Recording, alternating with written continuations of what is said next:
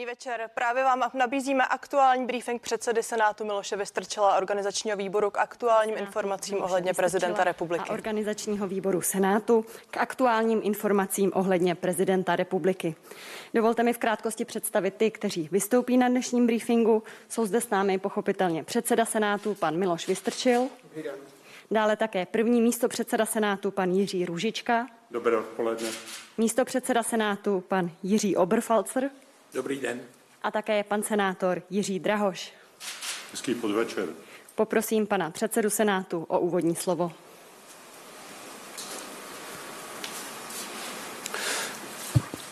Dobrý den, dámy a pánové.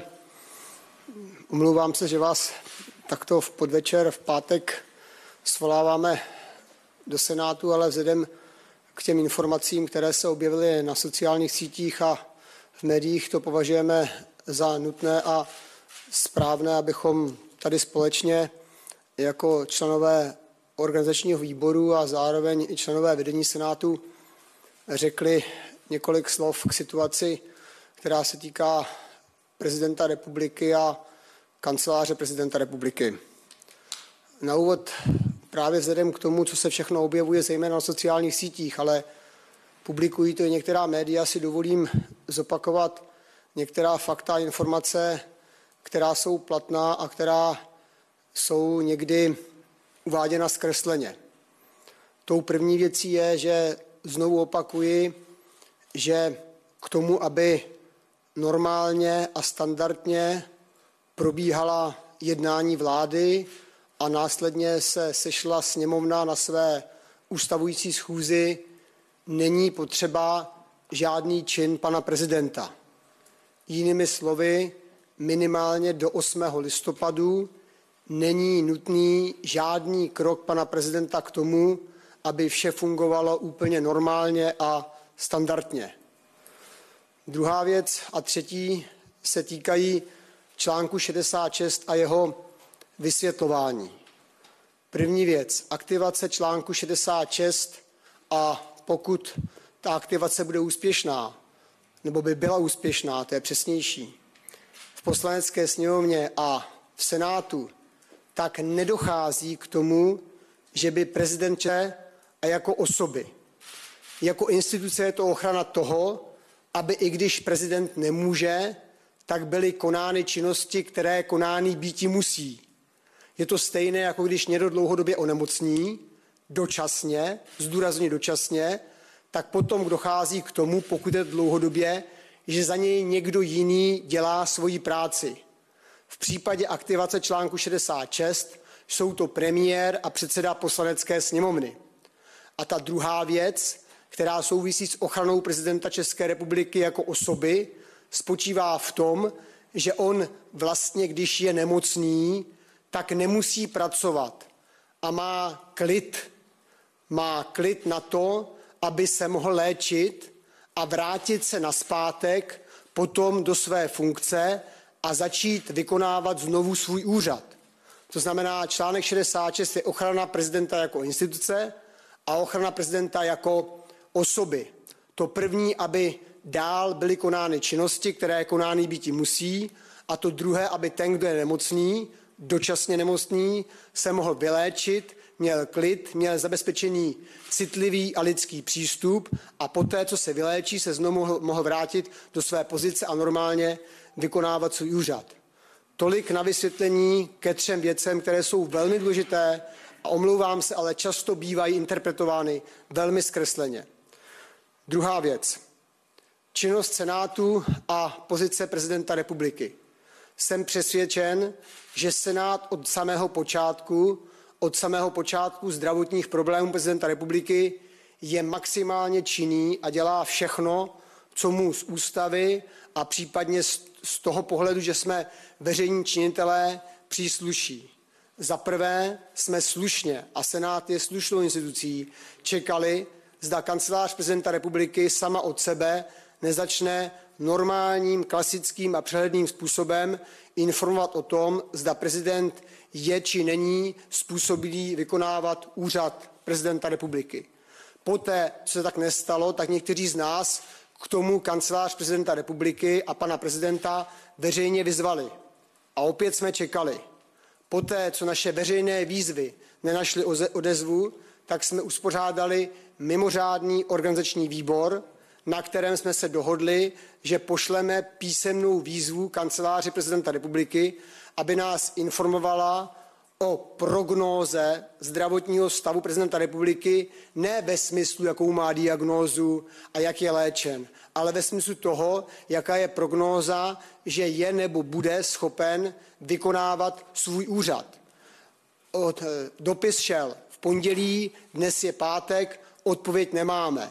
Protože do pátku jsme odpověď neobdrželi a zároveň se staly další věci, že to vypadá, že prezident je či není z výkonu prezidenta republiky, funkce prezidenta republiky, úřadu prezidenta republiky schopný, tak jsem dnes i na základě konzultací s některými členy organizačního výboru odeslal na ředitele ústřední vojenské nemocnice pana profesora Zavorala dopis, vekcký přístup, ale zároveň zajistit to, abychom věděli, že až bude potřeba pan prezident k rozhodování, což se stane poté, co by měl přijmout demisi vlády, tak aby jsme věděli, zda toho je nebo není schopen a pokud toho nebude schopen, tak abychom byli připraveni tuto situaci řešit. A my jsme připraveni tuto situaci řešit. Upozorňuji, nemůžeme ji vyřešit sami. Musí být pro jak poslanecká sněmovna, které se to vlastně dotýká v tomto případě, v případě jednání o vládě a fungování vlády více než Senátu a musí být připraven Senát. My připraveni jsme, upozorňuji, že po 21. říjnu sněmovna až do svého první ustavující schůze logicky připravena není, protože se nesejde. To znamená, tady je jasný, je jasné, že tady existuje čas a já si myslím, že je správné, pokud ten čas využijeme jednak k tomu, aby se člověk, který je nemocný, mohl vyléčit nebo léčit, a jednak k tomu, že my budeme dělat všechny pro, kroky pro to, aby v okamžiku, kdybychom museli aplikovat článek 66, respektive ho aktivovat, abychom na to byli dobře připraveni a aby nedošlo k žádným problémům. A posledně třetí věc se týká kanceláře prezidenta republiky a její komunikace a obecně péče o pana prezidenta.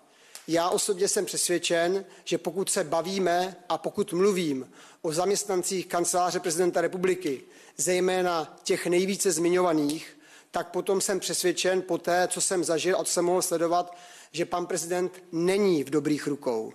Není v dobrých rukou a nejsem si jistý, že všechny kroky, které jsou činěny kanceláří prezidenta republiky, jsou s panem prezidentem konzultovány a že s nimi se všemi souhlasil. Samozřejmě nevím, jak to je, ale jak jsem já měl možnost poznat pana prezidenta, tak jsem přesvědčen, že minimálně některé věci eh, by neschválil, respektive by s nimi nesouhlasil. To, zda tomu tak je nebo není, bohužel nemáme šanci se dozvědět a nemyslím si, že je možné se to dozvědět osobními schůzkami s vedoucími představiteli kanceláře prezidenta republiky. Bohužel, můj závěr u té třetí části je jasný. Bohužel náš prezident není v dobrých rukou, pokud se bavíme o kanceláři prezidenta republiky. Tak to byl briefing předsedy Senátu Miloše Vystrčila a organizačního výboru k aktuálním informacím ohledně prezidenta republiky. Více schrneme ve zprávách. A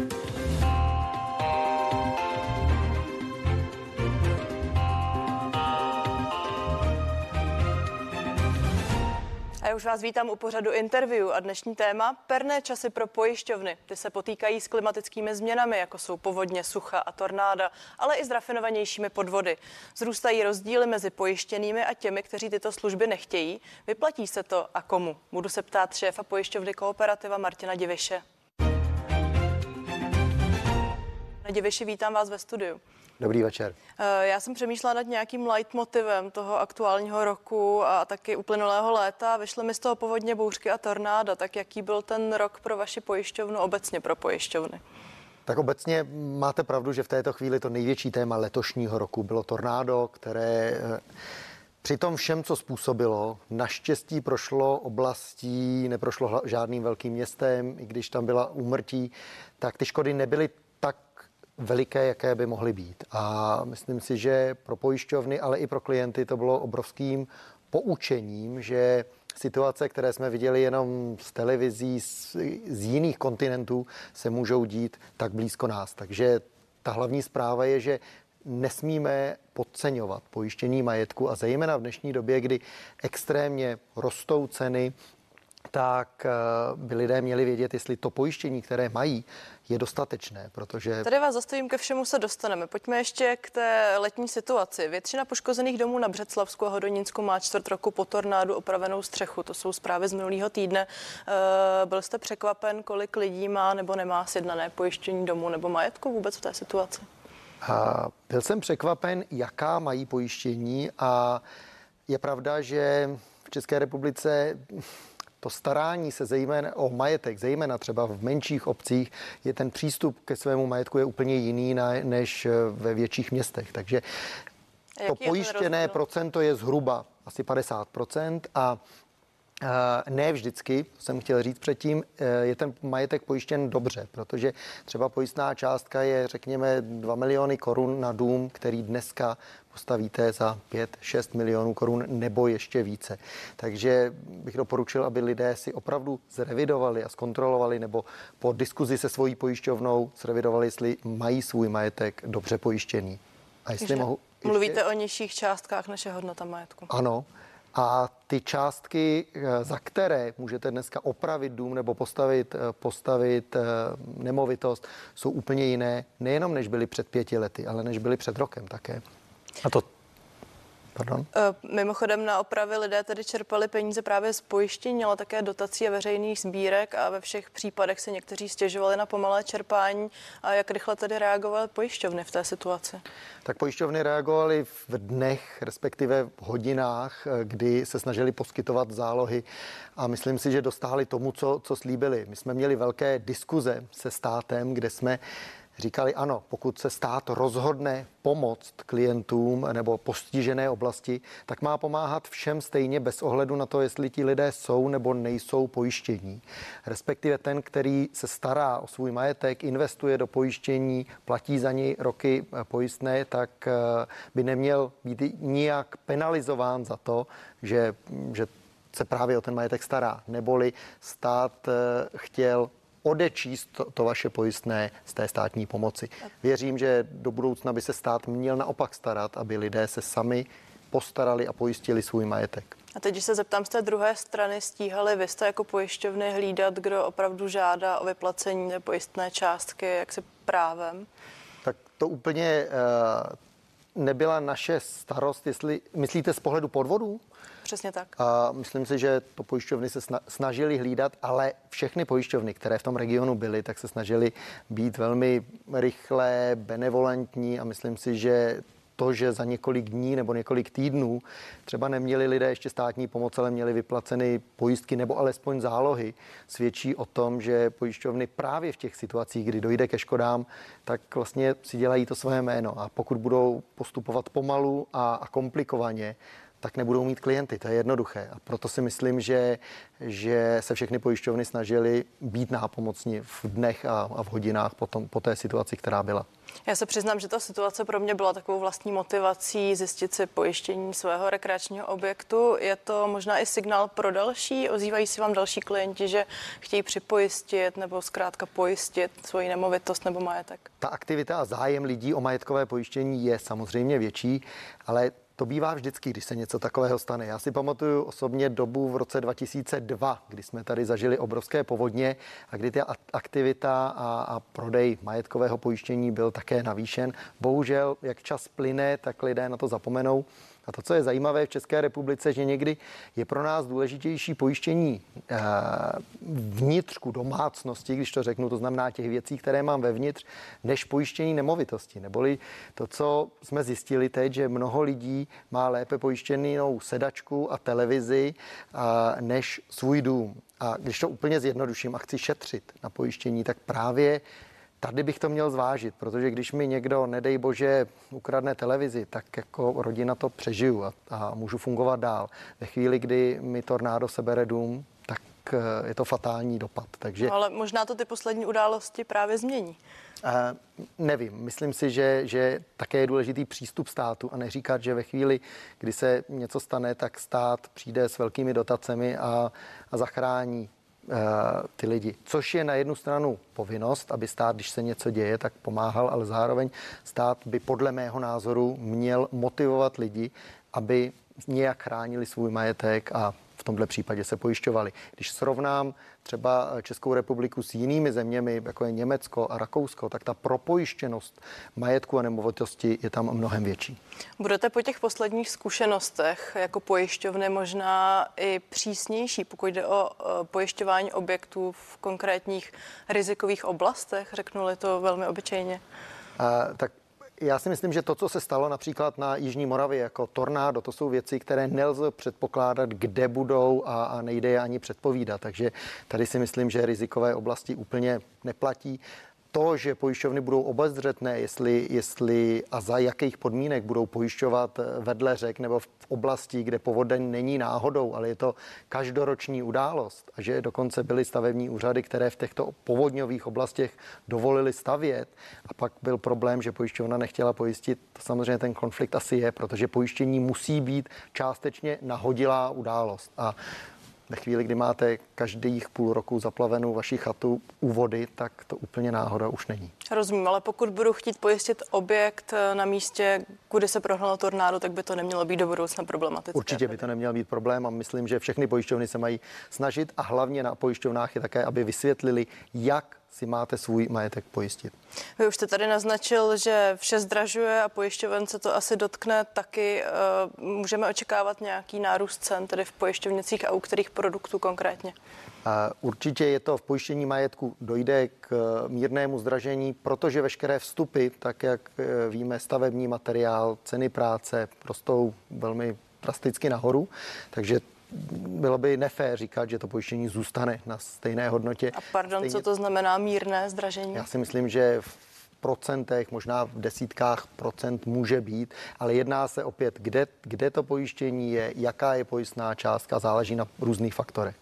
Vy jste zmiňoval jedno konkrétní, ještě jsou nějaké další oblasti, oblasti například pojištění u auta, povinné ručení. Stejně tak v povinném ručení je třeba vidět, eh, že pro příští roky to pojištění bude částečně růst, i když vím, že se to klientům úplně nelíbí, ale eh, i opět tady ceny oprav a ceny škod, které jsou způsobeny mm, motorovými vozidly, tak rostou ročně zhruba o 8-10% a to nekopíruje úplně pojistné. Takže e, musíme počítat i se zdražením v pojištění motorových vozidel. A nemáte strach, že teď pojištění bude jaksi zbytný produkt pro řadu lidí?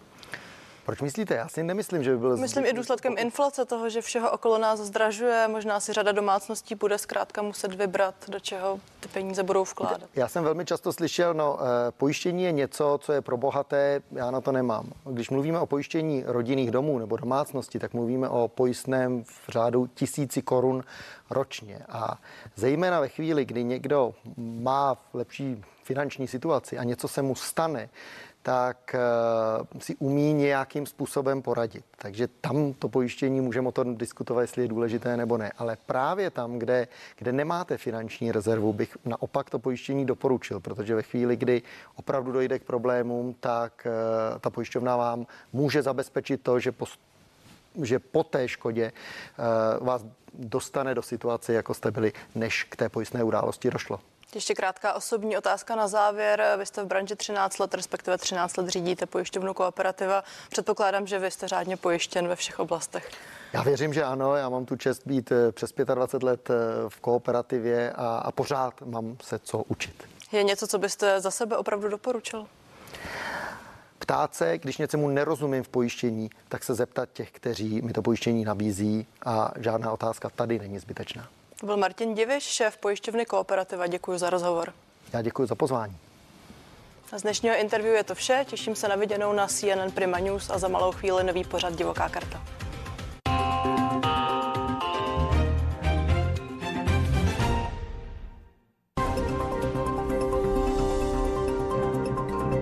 Aktuální témata dne a pohled.